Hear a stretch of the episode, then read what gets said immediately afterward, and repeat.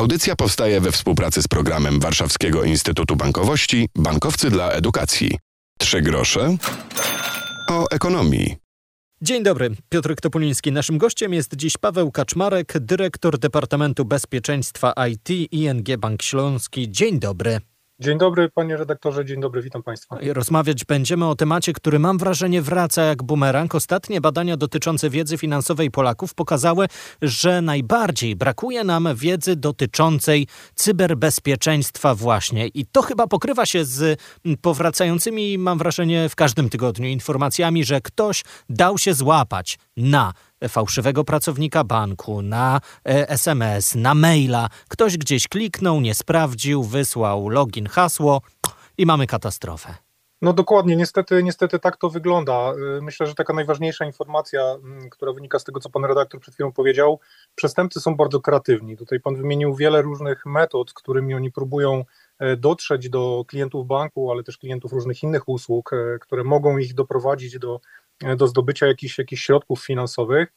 E, I ta kreatywność się przejawia w tym, że nawet jeżeli e, jesteśmy w stanie zatrzymać jakiś rodzaj e, fraudu albo znacznie ograniczyć wpływ tego konkretnego rodzaju na to, co się dzieje, to, to przestępcy mm, za chwilę mają jakiś inny pomysł, kolejny, który korzysta albo właśnie z trochę braku świadomości, trochę braku wiedzy, E, trochę braku umiejętności i sprawdzenia, czy mamy do czynienia z przestępstwem, czy z jakimś prawdziwym kontaktem, czy to pracownika banku, czy jakiejś innej instytucji.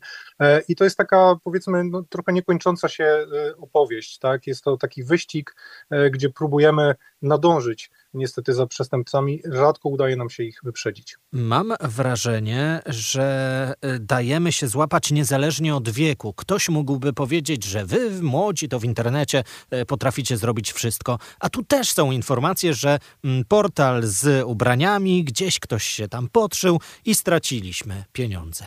Tak, absolutnie. E, tutaj e, wszystkie osoby tak naprawdę są, są podatne, bo w większości przypadków e, nie mówimy o tym, że są łamane jakieś finezyjne zabezpieczenia techniczne, tylko powiem tak kolokwialnie, łamani, łamani są ludzie. Większość, jeśli nie wszystkie ataki, tak naprawdę bazują w jakimś stopniu na socjotechnice, czyli tak naprawdę ktoś próbuje nas namówić do zrobienia czegoś, na co w takich powiedzmy neutralnych warunkach nigdy byśmy się nie zgodzili. No i są używane takie mm, różne argumenty typu e, szybki, duży zysk, wytworzenie jakiejś presji czasowej, czyli tu i teraz musimy podjąć decyzję, albo używamy jakiegoś, jakiegoś autorytetu, żeby, żeby podeprzeć tą, tą, tą naszą prośbę, prośbę przestępcy. E, I tak jak powiedziałem, znam takie przypadki, gdzie nawet osoby z bardzo głęboką wiedzą, bardzo kompleksową wiedzą o bezpieczeństwie, bardzo ostrożne, też dawały się złapać. Także nikt z nas niestety nie jest odporny. Przed chwilą spróbowaliśmy tak w skrócie powiedzieć o tym, że cyberprzestępcy nie śpią i szukają kolejnych to sposobów na to, by wykorzystać e, pewną naszą e, może ufność, może szybkość podejmowania decyzji, bo gdy przychodzi SMS z informacją nie dotrze do ciebie paczka, musisz coś dopłacić, e, to pojawia się, czy powinna się pojawić alarmowa lampka, a wielu z nas bank trzyma w kieszeni obecnie i w telefonie po prostu mamy dostęp do aplikacji bankowych. Jak bezpieczne jest korzystanie z tego typu aplikacji? Powiedziałbym, że jest bardzo bezpieczne. Na to mogą wskazać liczby. Mamy ponad 4 miliony klientów, którzy mają dostęp do, do naszej platformy mobilnej mojego ING i prawie 2 miliony osób korzysta tylko i wyłącznie z bankowości na komórce. E, także te, te liczby są naprawdę, naprawdę duże e, i klienci nie robiliby tego, gdyby nie czuli, nie widzieli tego, że ta platforma jest dla nich faktycznie, faktycznie bezpieczna. E, o to bezpieczeństwo dba co najmniej kilka zespołów, które w banku zajmują się rozwojem i ciągłym dobezpieczaniem tej, tej aplikacji. Mówimy tu i o zespołach technologicznych, i o zespołach, które zajmują się analizą prób wyłudzeń i wymyślaniem nowych sposobów, w jaki sposób można by było te te wyłudzenia powstrzymywać. E, mógłbym powiedzieć w ten sposób, że mm, na to bezpieczeństwo aplikacji mobilnej składają się w zasadzie takie dwie podstawowe rzeczy, czyli w jaki sposób przede wszystkim my na początku sparujemy tą aplikację z naszym kontem, czyli jak zapewnić, żeby to przypadkiem nie przestępca uzyskał przez aplikację mobilną na telefonie dostęp do naszego, do naszego rachunku. Także e, wspomniał Pan tutaj o kontakcie ze strony banku. W przypadku takiego procesu parowania urządzenia z aplikacją, ten kontakt proaktywny z banku jest jednym z bardzo ważnych czynników i bardzo ważnym aspektem właśnie pod kątem bezpieczeństwa, czyli to bank skontaktuje się z klientem przy pierwszym parowaniu aplikacji z jego E, rachunkiem.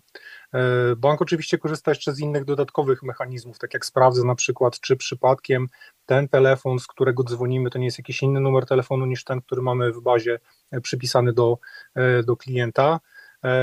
I te wszystkie rzeczy są tak naprawdę odpowiedzią trochę na nasze modelowanie zagrożeń, czyli jak my widzimy potencjał na, na, na złamanie zabezpieczeń w tym, w tym procesie, ale z drugiej strony też w oparciu o doświadczenie. Tak? Mieliśmy taką sytuację, E, w której e, bardzo dużo sytuacji było takich, że chwilę dosłownie po sparowaniu telefonu z aplikacją następowała próba zrobienia e, transakcji przez Blika. I okazywało się, że to jest właśnie efekt jakiejś konkretnej kampanii w kierunku naszych klientów, ale ufam też, że klientów innych banków i wprowadzenie właśnie takiego proaktywnego kontaktu ze strony banku w tym procesie parowania, ten kanał tak naprawdę E, zablokowało, można powiedzieć. Także to jest, ten, to jest ten pierwszy aspekt. E, drugi aspekt, e, już kwestia samego logowania, potem do tej aplikacji i wykonywania operacji. Więc mamy przede wszystkim kilka poziomów zaufania do użytkownika, zależnych od różnych aspektów, czyli jakiego on aktualnie używa urządzenia, czy jest zalogowany z przeglądarki, z jakiego adresu IP, czy to jest mniej więcej zgodne z tym, skąd on normalnie się do nas dostaje, E, jaki rodzaj transakcji chce wykonać. Czy to jest transakcja na dodany do listy zaufanych numer rachunku, czy przelew e, na e, numer rachunku dopiero co wprowadzony, czy być może kwota odbiega od tego, jakie przelewy klient robi standardowo i jeszcze parę innych aspektów, które mogą powiedzieć, że no nie mamy do czynienia z tym klientem, za kogo faktycznie ta osoba po drugiej stronie się, się podaje. Jest kilka typów transakcji, które zawsze będą wymagały potwierdzenia dodatkowym faktorem, czyli albo kliknięcia w aplikacji mobilnej właśnie potwierdzenie transakcji albo odpowiedź na wprowadzenie kodu, który dostaliśmy SMS-em albo jeszcze jakiś inny mechanizm. E, przykładowo w takich sytuacjach, kiedy korzystamy z profilu zaufanego, nie wiem, logujemy się do PUEZUS, e, czy autoryzujemy... To cały czas coś potwierdzamy. To może być drażniące, ale to chodzi właśnie o to zabezpieczenie. To ja, to ja. Dokładnie, dokładnie tak. E, mm, my musimy oczywiście i działamy też bardzo e, ostrożnie w tym względzie, jeżeli chodzi o wprowadzanie kolejnych mechanizmów bezpieczeństwa, bo no nie ma co ukrywać, nam jako bankowi bardzo zależy na tym, żeby klienci korzystali z naszej aplikacji. Nie chodzi o to, żeby zbudować tutaj bunkier, e, do którego pod żadnym pozorem nie da się wejść, tylko żeby te środki zaradcze no, były adekwatne do tego, jakie zagrożenie faktycznie na klienta może, może czyhać. E, powiem tylko, e, to jest taka smutna trochę konstatacja, ale czasem to też jest niewystarczające. Mieliśmy co najmniej kilka takich sytuacji, gdzie proaktywnie doradzaliśmy klientowi, aby on konkretnej transakcji nie autoryzował, bo było to z bardzo dużym prawdopodobieństwem e, działanie przestępców, natomiast klient banku posłuchać tej sytuacji nie chciał i na taką transakcję mimo wszystko się decydował. Także musimy mieć świadomość tego, że zawsze na końcu decyzja należy do klienta. To klient może podjąć decyzję, czy dodatkowy typ transakcji będzie albo nie będzie e, podlegał e, jakiejś dodatkowej autoryzacji. Poza tymi sytuacjami, gdzie bank, można powiedzieć, autorytarnie stwierdza, no nie, w tej sytuacji choćby nie wiem, co się działo, potrzebujemy dodatkowe potwierdzenie, że mamy do czynienia z tą osobą, za którą się ten klient podaje. To może jeszcze spróbujmy mm, powiedzieć, na co powinniśmy uważać. Pojawiło się hasło Blik i e, to chyba bardzo popularne ostatnio rozwiązanie e, również musi być wykorzystywane z pewnym naszym zaufaniem, a może czasem ograniczonym zaufaniem. Oczywiście, ja mm, też gorąco namawiam do tego, żeby z Blika absolutnie korzystać. Natomiast mm, upewnijmy się, jaki jest nasz powiedzmy zwyczajowy sposób korzystania, na jaką wysokość mm, dokonujemy tych, tych transferów e, i sami od siebie wymagajmy na przykład dodatkowego potwierdzenia, jeżeli e, transakcja, którą chcemy zawrzeć, będzie odbiegała od tego, co robimy standardowo. Zresztą to samo doradzam dla wszystkich innych kanałów. Jeśli mamy kartę, którą nigdy nie płacimy w internecie, to zablokujmy taką możliwość żeby nikt nie mógł oprócz nas z tej karty właśnie skorzystać. Jeśli nie robimy przelewów na więcej niż 1000 zł, to zablokujmy też taką możliwość. Także dużo rzeczy możemy naprawdę zrobić sami i doradzam, żeby z tych możliwości naprawdę korzystać i dostosować to swoje mobilne bankowanie do, do tego, jak my chcemy, żeby to było skonfigurowane. Zdecydowanie. Limity można wybrać albo kwotowe, albo ilościowe, liczbowe co do e, liczby transakcji, tak by się nie okazało, że nagle któregoś dnia 50 razy użyliśmy karty, a przecież tego nie zrobiliśmy. A co zrobić, gdy e, zauważymy, że straciliśmy pieniądze, choćby i drobne, typu 20 zł, bo przecież od tego może się zacząć okradanie naszego konta? Oczywiście, no doradzam natychmiastowy kontakt z bankiem, e, tak żeby na początek proaktywnie zablokować możliwość wykonywania kolejnych transakcji z użyciem danego rachunku czy danej karty. E, nasz zespół e, przeciwdziałania przestępstwom działa całą dobę i w sytuacjach, kiedy zauważy coś niepokojącego na rachunku klienta, też sam proaktywnie będzie próbował się z danym klientem e, skontaktować. Także e, w sytuacji, kiedy zauważymy, że coś niepokojącego się wydarzyło, bardzo często istotny jest czas, czyli żeby jak najszybciej zareagować jak najszybciej uniemożliwić przestępcy kontynuowanie tego, co z naszymi pieniędzmi, co z naszym rachunkiem e, robi. Spróbujmy na koniec jeszcze powiedzieć, mm, skąd powinniśmy czerpać wiedzę na temat cyberbezpieczeństwa. Czasem dostaję ze swojego banku informację o kolejnym alarmie, że powinniśmy uważać na i tutaj e, hasło. Ale może maile to nie wszystko, może mamy jakąś książkę, kompendium wiedzy dotyczący cyberbezpieczeństwa. No myślę, że niestety czegoś takiego, e, takiego nie ma i tutaj bardzo ciężko byłoby mi odesłać e, kogoś do jakiegoś e, definitywnego i autorytarnego źródła wiedzy na ten temat.